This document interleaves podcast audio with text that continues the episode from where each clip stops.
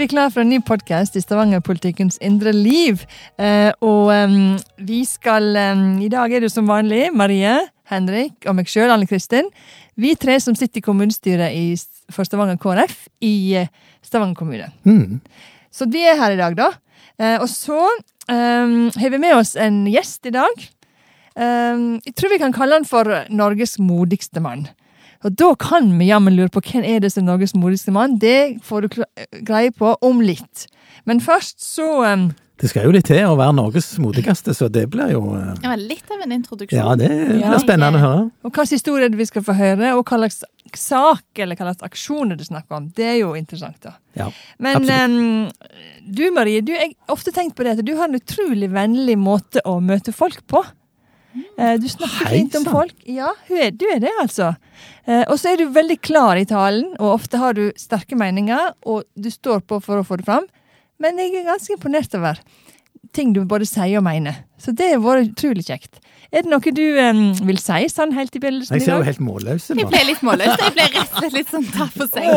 Men det var en god dag å få en oppmuntring på. Ja, du jeg sier, trengte det. bare, jeg sier bare ja takk, og mottar den, Ann-Kristin. Tusen takk. Fint, fint. Ja, men så kjekt, da. Ja, og jeg syns det er kjekt å samarbeide med deg òg, så det er jo gøy. Og Henrik, han Ja, eh, nå er jeg spent! Hvordan i all verden skal du komme ifra Ja, dette? dette kan komme fint fra. For når jeg kommer på kontoret på rådhuset, som er i Olav Kjøres gate 23, og kom gjerne innom, folkens, så møter jeg ofte en mann med beina på bordet og telefonen opp til øret. Og der sitter han og hører på hva folk mener om ting, eh, og syns Nei, dette må jeg finne ut mer av. Du er en utrolig flink fyr å finne ut av ting. Det har jeg lagt merke til. Du, du, ikke, du ikke en gravejournalistikk, journalistikk, men du prøver å finne ut av ting, og setter deg grundig inn i ting. Så det er veldig, veldig bra. Så, Ja. har du noe du vil si? Nei, men det er jo sånn å være politiker. Altså, du må prøve å Du må være i kontakt med folk, og du må, du må jobbe med sakene. Og, og det er hvordan ting utvikler seg. Det har jeg sagt tidligere i denne podkasten. Det er hvordan ting blir til. Hvorfor blir ting sånn som det blir?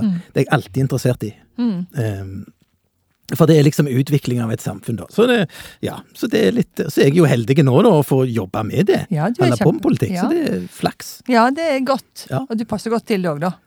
Uh, og jeg sjøl Ja, hva har jeg gjort på det siste? Det vet jeg faktisk ikke. Kanskje du vil si noe om meg, Henrik? Nei, jeg kunne sagt veldig mye positivt om deg, Ann-Kristin. Men det må du bare holde for deg sjøl. Hvis, hvis vi liksom er inne i den der positive go-en, så skal jeg ta den. Det som er absolutt mest positivt. Og det er at er Du er en person som våger å stå opp og si det du mener. Og det er det, det Kanskje litt provoserende å si det, men blant damer så er det mangelvare. I politikken så er det faktisk mangelvare. Og det er veldig bra. Og du, det går an å spørre deg om ting, og du svarer ja. Ja, det er sant. Jeg vet ikke om du gjør det fordi du alltid syns det er kjekt, men du gjør nå det. Så det skal du ha. Ja, men så fint, da. så nå har vi Ja, eh, ja det var Så dette fint. signerer jeg. Et, Du signerer et den. ja-menneske som det er godt å samarbeide med. Ja, da, Men nå må vi jeg- gi oss før vi blir for, for, for høye på oss det sjøl. Nei, men jeg må bare si en ting. For dette, det, det er jo sånn at Ann-Kristin er jo egentlig født i en saueegare oppe på Sunnmøre. Ja, jeg er det. Sånn at eh, det, hun har liksom den der grunnfundamentet med seg. Derfor liker jeg godt at finnørene som kom til det Stavanger kommune. Ja. Det passer meg veldig bra. Men du, ehm, vi har jo hatt Vi må snakke litt før, før vi lar gjesten komme til, i forhold til situasjonen som er nå i Europa, og flyktningsituasjonen med ukrainske flyktninger. Eh, Og vi har jo hatt en ganske stor sak faktisk både i formannskapet og i kommunestyret, der vi spurte ordføreren om de kan være så vennlig å vurdere å, legge, å dekke utgifter som Utsyn misjonssenter har hatt i forbindelse med ganske mange flyktninger som kom, før mottaket var på plass og før registreringen var på plass. Det har vi fått blankt nei fra. Mm. Hva sier du om det, Henrik? Nei, jeg synes det, det, det er veldig skuffende. For dette, eh, en sånn en flyktningkrise som den som kommer nå, de, de, de aldri like. Sant? Nå hadde vi den i Syria sist, og så kommer den fra Ukraina nå. Men det som skjedde nå, ser du, det at dette var så nærme. At når, dette, når, når, når russerne da gikk inn i Ukraina, så reiste arbeidskollegaer og familie ned og henta sine. Sant? Og det gjør vi jo. Mm. Vi gjør jo det. Når vi, når vi vet at de, de er i I nød. Ja, i Ja. nød. Så Ja. gjør vi jo det. Og det virker ikke som at systemet til staten har tatt inn over seg der. Nei, nei, det er sant. Det syns jeg er betenkelig med denne flyktningkrisen som vi er inne i nå. Mm. Og, og nå, nå ser en jo at nå har en jo sagt en skal ta imot var det 2500 fra Moldova, som staten skal ta gjennom sitt system. Men jeg hørte faktisk på nyhetene i går at det er ingen som vil reise Mhm. gjennom det systemet. For at de vil være i Moldova og være i nærheten av eh, landet sitt, så de kan flytte tilbake når, de, når, det, når det er klart. Mm. Så det der, der er noe med dette her akutte systemet, som, som, som den akutte situasjonen som oppsto, som ikke helt har klart å håndtert godt. Og der er det jo litt sånn grunnleggende at KrF er positive til at eh, medmenneskeligheten som er på en måte på eget initiativ, og som bare settes ut i action med en gang, en, en handler fordi at en ser nøden, eh, det skal på en måte òg eh, på en måte lønne seg på en måte. Ikke dette du skal lønne økonomisk sånn sett, men det skal være like greit å gjøre det på det, den måten enn at det alltid skal være staten som legger premissene klar, og så kan vi først handle hvis staten har på plass alle ordningene. Eh, så jeg tenker jo det var bra det de gjorde uansett om de blir kompensert eller ikke, men det personlige initiativet, det er vi jo veldig for i KrF. Ja, og jeg satt jo på det kommunestyret, og når jeg kom hjem etter det vedtaket var gjort, så var jeg ganske skuffa og dagen etterpå kjente jeg at hva er det slags system vi har?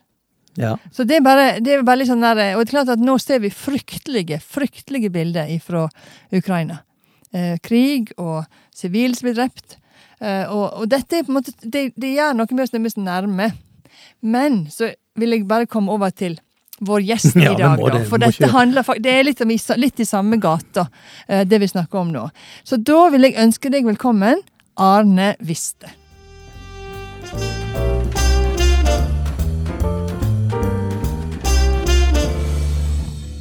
Takk for det, ja. Velkommen.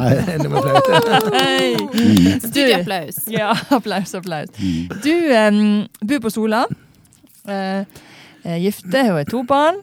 Er det noe mer du vil si om deg sjøl enn det? ja. Jeg må jo være veldig modig siden jeg våger å stille i dette panelet, da.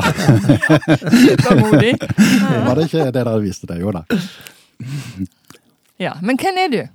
Eh, Jeg er en ingeniør som har eh, utdanning fra NTH. Har jobba i Lyse i 20 år, og jobber nå i olja eh, som ingeniør. Søndagsskolelærer i Mikirka. Mm -hmm. Og familiefar med to barn, og har en villa på, i Marknesringen på Sola. Eh, Jeg hadde et helt ordinært liv. Fram til for ti år siden, eller noe sånt. Og da skjedde det noe spesielt i ditt liv, eller ja, det iallfall ble et stort engasjement. Og hva var vendepunktet for din del?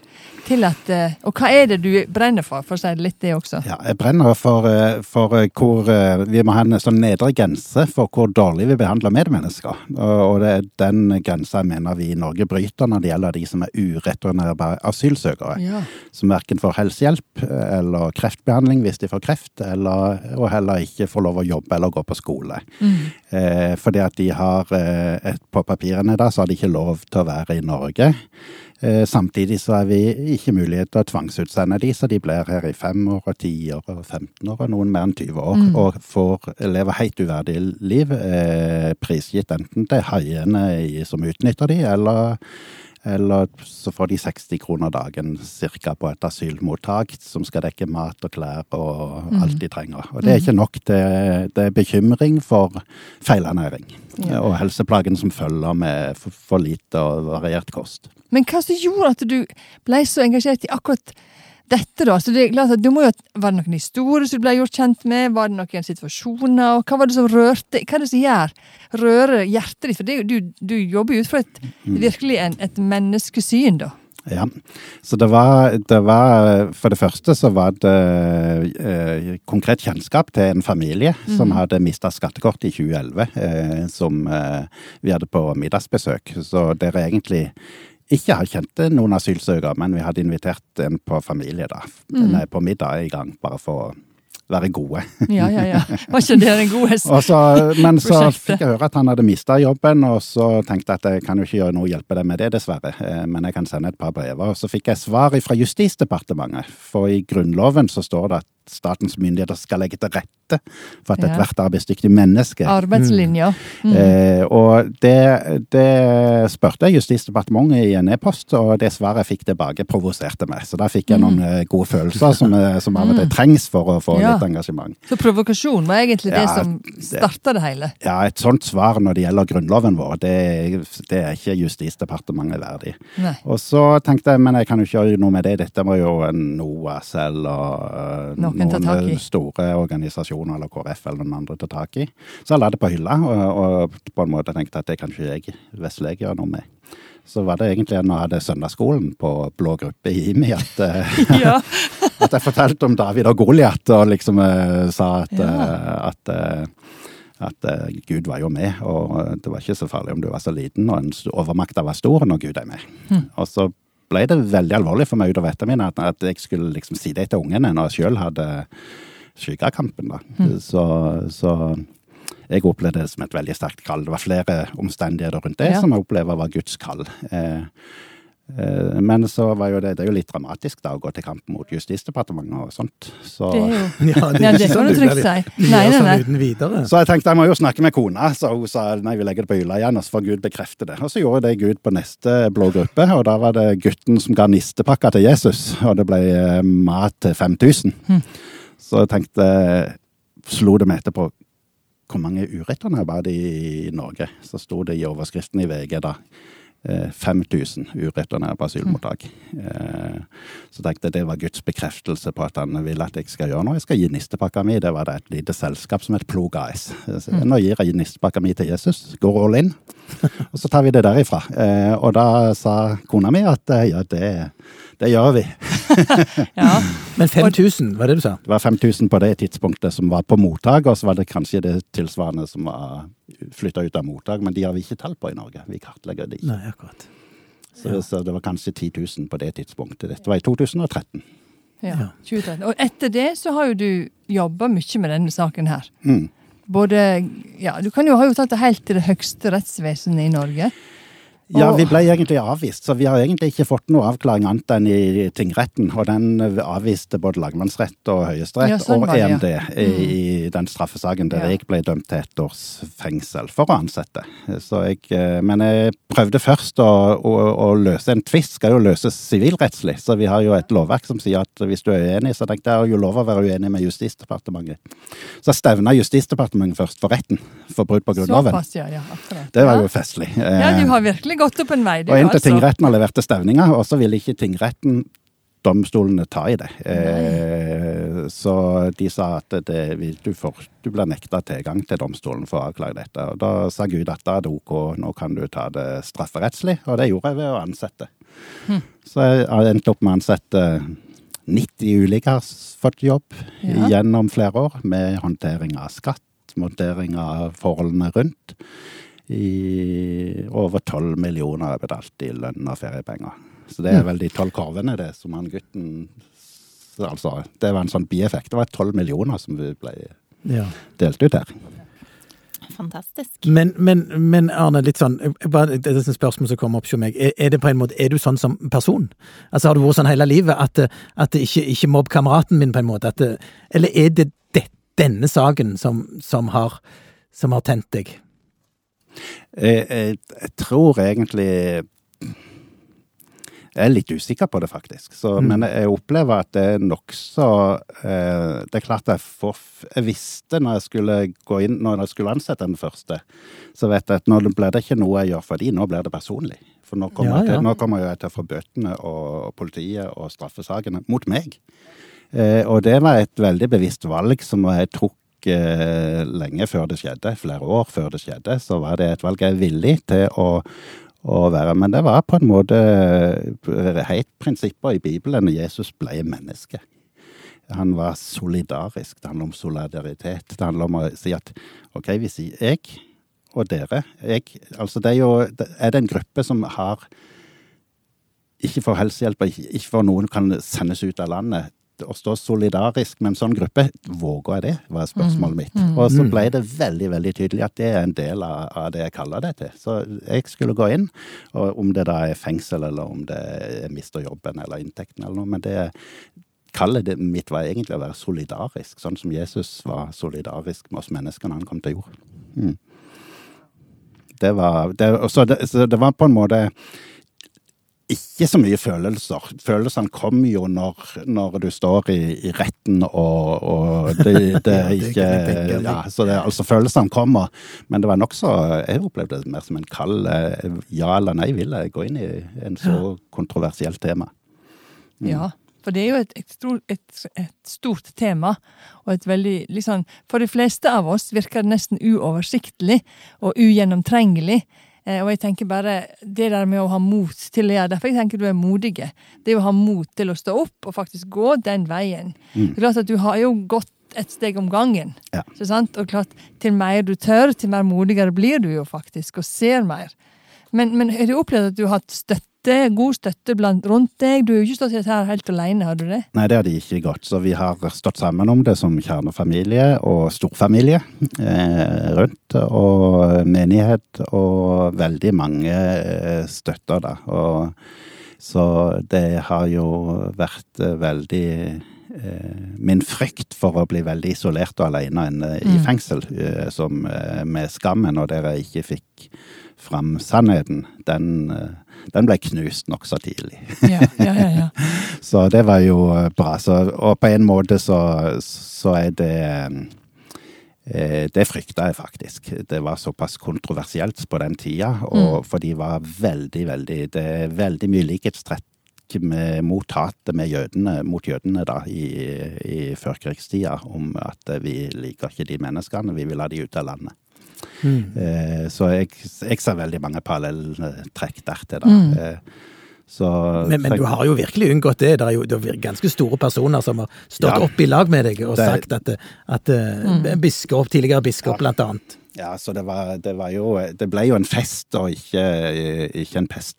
Det Ja. prosjektet Ja. så har jo vært veldig, veldig velsigna, og nå takker jeg Gud inderlig for at jeg har fått stå i dette her. For det er jo det er levende, og det Er masse følelser, og det er veldig, veldig meningsfylt. Huh, Wow. Og det har vi jo lyst til, å Ja. leve for noe større enn oss sjøl. Ja, ja. Men når du, når du var eh, på en måte ferdig med den rettssaken, eh, og konklusjonen kom at eh, du egentlig ikke hadde grunnlag i lovverket til å ansette, ansette disse, og du fikk denne straffen altså Jeg antar jo den var betinget, den, den dommen. Ja. Men hadde det òg en økonomisk konsekvens? Var det en, en bot, eller er det liksom, har, du ledd, har du lidd en økonomisk eh, bit i, i det at du har gitt disse tolv millionene totalt i lønn?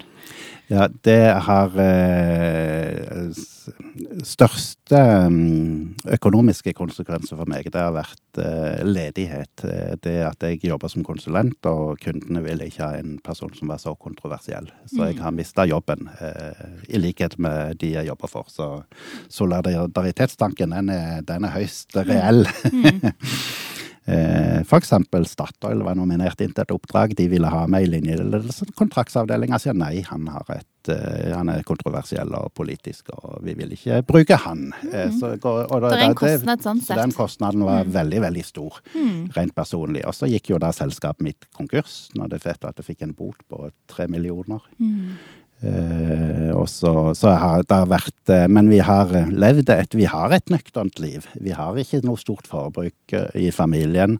Og vi har fortsatt det livet vi alltid har hatt. Eh, men i motsetning til jevnaldrende så har vi fortsatt en rest igjen på huslånet, som ikke krymper, men som heller kanskje øker litt, huslånet. Men det hva så? Ja, nei, men det, det er utrolig spennende å høre om. Det er derfor jeg sier at du er, du er veldig modig. Men, men jeg vil litt til, til dette med Altså, det er jo ethvert menneske sin rett å reise til et land og si jeg, jeg har krav på beskyttelse. Mm. Eh, og, og legge passet sitt på skranken, eller, eller, eller ikke ha med pass heller. For jeg er litt ute etter hvem er disse?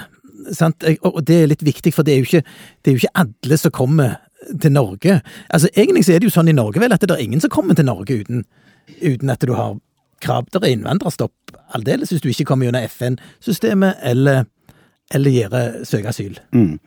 Det er jo det er 70 millioner mennesker på flukt i verden eh, før Ukraina-krigen. Eh, så nå er det vel sikkert 80 millioner på Ja. i verden etter i henhold til FN. Og de fleste er jo på internflukt, nesten halvparten i eget land. Eller, og det store resten er jo i naboland, i store flyktningleirer. Eh, I fattige land som regel. Så det er jo et fåtall som kommer til Norge. Eh, og Av de 70 millionene da, så har jo vår historikk har vært på i overkant av 6000 i året. Hvis vi ser et 20-årsperspektiv, så har vi tatt imot i overkant av 6000 hvert år i Er det via FN-systemet eller via Nei, det er to, flyktninger. Ja, okay. Enten via FN eller som asylsøkere. Ja, det Eh, så det, og det er jo Det burde nok vært dobla, tenker jeg. Og så er jo gleden i mitt hjerte at vi nå viser at vi vil Vi kan jo bedre enn det. Vi kan hjelpe flere som er på flukt. Og for den som er på flukt, så handler det jo om at han flykter fra noe. Eh, De, de, de som jeg hjelper da, de kommer jo fra Eritrea og Etiopia og Iran og Irak og har veldig, veldig god grunn til flukt ifra enten noen av verdens verste regimer, eh, og der de sin folkegruppe da typisk har vært undertrykt. Oromo fra Etiopia eller eller de har vært politisk engasjert i Iran, og det er jo ikke lov å være opposisjonell. Nei. Så de forventer jo å få asyl, og når de da ikke får asyl, og Norge ikke har returavtale som fungerer, så blir de i Norge, og så har de den holdninga at jeg vil heller at de skyter meg eller dreper meg i Norge enn å bli sendt tilbake til hjemlandet mitt. Eh, og jeg, jeg, kan ikke det. Eh, og så sier Norge, norske myndigheter at du må, men vi kan ikke gjennomføre det med tvang. Og dermed så velger de da et uverdig liv i Norge framfor eh, retur til de traumene de bærer med seg fra hjemlandet. Mm. Det er fire grupper, tenker så kan jo skissere det. Noen av de er statsløse, så de har ingen annet hjemland enn Norge. og Kanskje 10% av de jeg har hjulpet, er, har inget land å retur, returnere til. Eh, Eh, ene han var Foreldrene våre er fra Iran, men han ble født, flykta fra Iran til Irak, der han ble født i en flyktningleir. Og verken Iran eller Irak vil anerkjenne han som sin borger. For foreldrene var fra Iran, men han var ikke født der sjøl. Og så i dag er han i Norge. Han får ikke være i Norge heller. Og han har ingen mulighet til å komme noe annet sted heller. Eh, de er statsløse. Og så har vi de som da har kanskje kone og barn. Eh, en av de første som fikk bot for å jobbe for meg. Han er kone og tre små barn eh, på under skolealder i Norge. Og norske myndigheter sier at du kan ikke bli bare kone av familien. Og han var den som var lim i familien, eneste som var arbeidsdyktig i den familien, men han skulle ut. Eh, og jeg, når jeg møter han, så sier jeg at jeg, du må ikke forlate familien din, det er ditt første kall. En kristen etiopier. Så det er jo den andre gruppa. Og så er det de som da har torturopplevelser fra hjemlandet, som er, livredde for retur. Fordi at de vet at de blir satt i fengsel og blir piska og mishandla. Mm. Mm. Eh, så det er Ja, det er veldig Det var tre? Var det en til? Det, det var tre.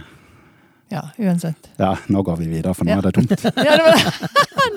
Men, men, ja, det men altså, det, det, er jo Men for liksom å si litt sånn Nå har jo du vist, vi snakker om at du har vist et sterkt mot. Har, det er noe i den rettferdighetstrangen eh, din som på en måte blir trigga skikkelig. Dette er ikke rettferdig, du har tatt det langt. Um, vi kan jo ikke bare Altså, vi må jo Folk som kjenner på denne trangen, hva vil du si til dem hvis de virkelig kjenner at vet hva, dette må jeg gjøre noe med? Fordi at du har jo gjort noe med den opplevelsen du har. Og mange av oss kan ha opplevelser, men nødvendigvis ikke gjør noe med det. Så hvordan vil du oppmuntre folk til å ta tak i det de faktisk brenner for og kjenner dette må jeg gjøre noe med? Det første er jo eh, hvis du skal Du må jo på en måte gå litt inn i det. Og beste måten er jo faktisk å oppsøke noen. Eh, de kommer neppe en familie og dinger på døra di eh, en dag, eller ringer deg på mobilen om de kan komme på besøk. Det krever at du tar et skritt ut forbi. Ut forbi. Mm. Oppsøk et asylmottak der mange sitter, eller hvis du kjenner noen gjennom menighet eller noe. Begynn med et måltid mat og bli kjent med dem. Og jeg tenker det er der det skorter for de fleste. Så det er egentlig å ta et initiativ, og du må ta det sjøl for å komme i kontakt. Eh, og så kan det utvikle seg til noe positivt og noe stort, eller det kan dø bort. Men det, det har en verdi i seg sjøl om det blir med et måltid òg. Mm, ja. Så det, det, er noe med å ikke, ikke Å begynne med det menneskelige og det kontakt med et menneske. Mm. Ja, det er den menneskelige kontakten. Mm. Og Det gjelder jo ikke bare akkurat den saken som, som du jobber hardt Det gjelder jo mm. mange andre saker i samfunnet som vi mm. ser her er urettferdighet, eller her er det noe vi skulle gjort noe med. Mm. Jeg tenker det der med å faktisk få en nær kjennskap til de personene det faktisk gjelder. Ja. Det er vel det du sier egentlig. Og det, der tror vi har, vi har godt av å bry oss. Mm. Alle sammen. Vi har godt av å ta det steget mm. ut og gjøre det. Om det så fører til så store konsekvenser for ditt liv som det har gjort denne saken her, eller mindre saker som faktisk handler om urettferdighet i samfunnet vårt, altså. Men du har jo fått veldig mye oppmerksomhet. Du har fått både Petter Datt Petter Dass-prisen og eh, Brosteinsprisen og Sola-prisen. Så du har jo vært veldig, du har jo blitt anerkjent for den jobben du har. Har det hatt noe betydning for deg?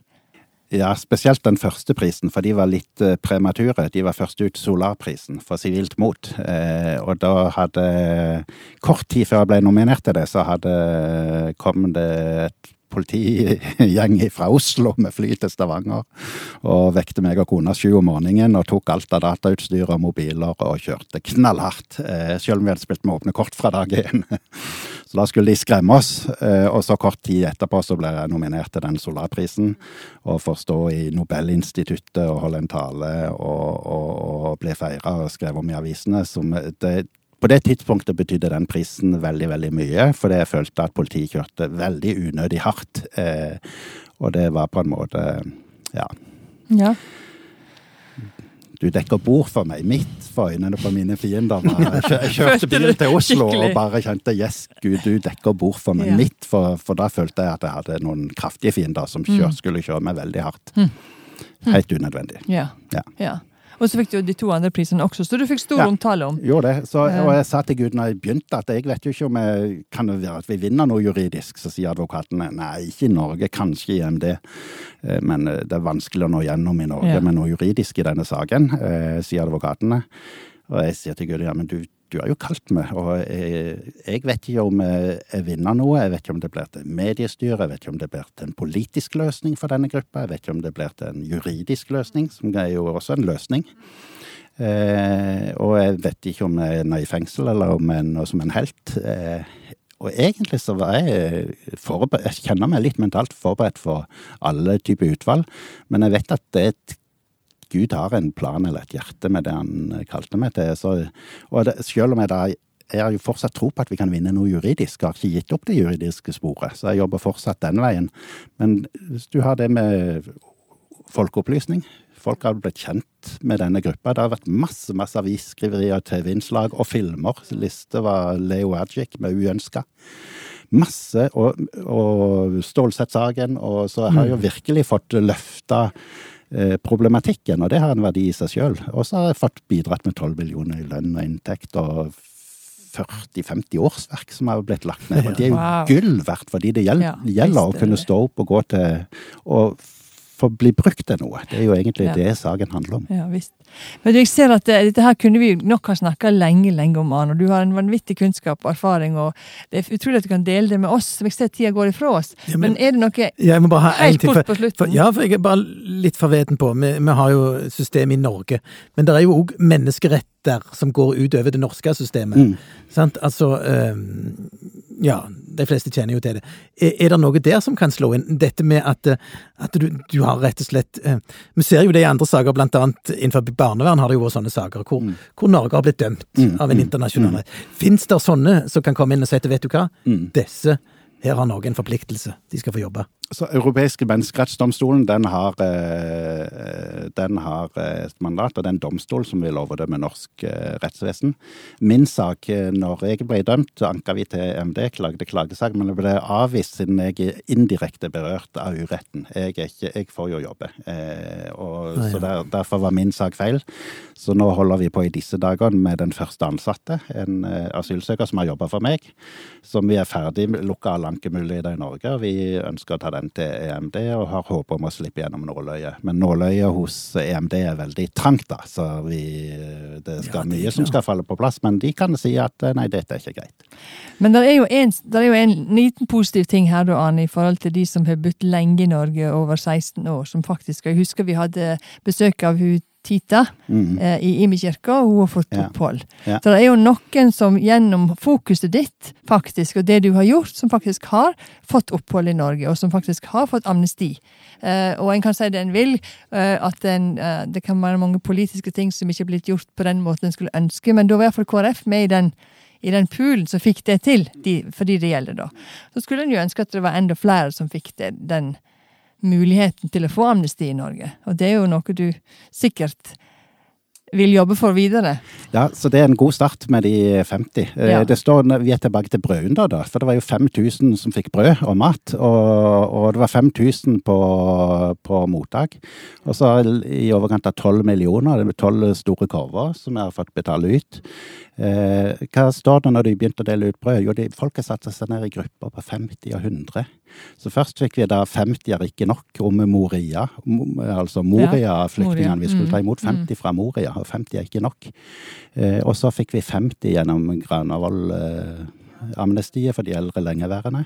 Så vi, men det 50 pluss 50 er bare 100, og vi, så vi er bare ikke i mål. Så derfor, derfor er er å gjøre. Brøyunda skal fortsette det. Men det som jeg sitter og tenker på, Ann-Kristin, det er at eh, i Norge så er vi sånn grunnleggende veldig lovlydige. Eh, Det skal ganske mye til før vi som gode kristne folk bryter norsk lov. Sitter jeg og reflekterer litt over her jeg sitter. For det er mye jeg òg kjenner at jeg ønsker å gjøre, og som får opp rettferdighetstrangen i meg. Eh, Men jeg er nok eh, Jeg tror jeg er hakket mer forsiktig enn det jeg ser at du har vist deg mot når det handler om faktisk trosse norsk lov. Eh, det er litt unorskt, og, og det er litt eh, Det er faktisk eh, Jeg syns faktisk det gir eh, introduksjonen til Ann-Kristin verdige. At det er modig, rett og slett. Og det er litt unorskt. Ja. Ja. Er Og så holder jeg jo fast med at norsk lov den sier jo at statens myndigheter skal legge til rette for at ethvert arbeidsdyktig menneske, det er norsk lov. Så, Ja, jo, så det er noe med å holde fast i hva jeg- er egentlig norsk lov. Jeg husker jo hvordan Selv om det jeg, er en tingrettsdommer skulle mene noe annet. Ja. Jeg husker hvordan overgitt jeg ble når bestemor mi fortalte at det var norsk politi som arresterte jødene i Norge Mm. og sendte de til Tyskland. Mm. Det har jeg alltid tenkt på i en sånn en sammenheng. Mm. Det var faktisk det som skjedde. Mm. Det var norsk, den norske loven som gjorde jobben. Og det er viktig å merke seg. eh, Ja, sånne ting. Noen må si stopp. Ja, og, og det har jo du gjort, og jeg vil bare, bare takke deg for det motet du faktisk viser, eh, ved å fortsatt stå i det. Eh, og så håper jeg at dere som har hørt på denne podkasten, eh, tenker hva, hva er det jeg kan bidra med inn i denne, dette samfunnet, og hva er det jeg skal stå opp for? Hva er viktig for meg? Eh, og så vil jeg bare takke deg, Arne, for at du tar denne kampen. Det er en harde kamp. Eh, men så vil jeg bare også si at eh, vi skal be for deg. Eh, Og håper virkelig at vi skal se resultatet av dette brødunderet til slutt. Mm. Ja. Så tusen takk for alle som har hørt. Eh, takk som har hørt på oss. Hvis dere vil si noe til oss, eller komme noen ideer, så ta gjerne kontakt med oss på e-post, Facebook, Instagram, andre kanaler som vi er på. Så tusen takk for i dag. Takk for i dag. Ha det bra. Ha det.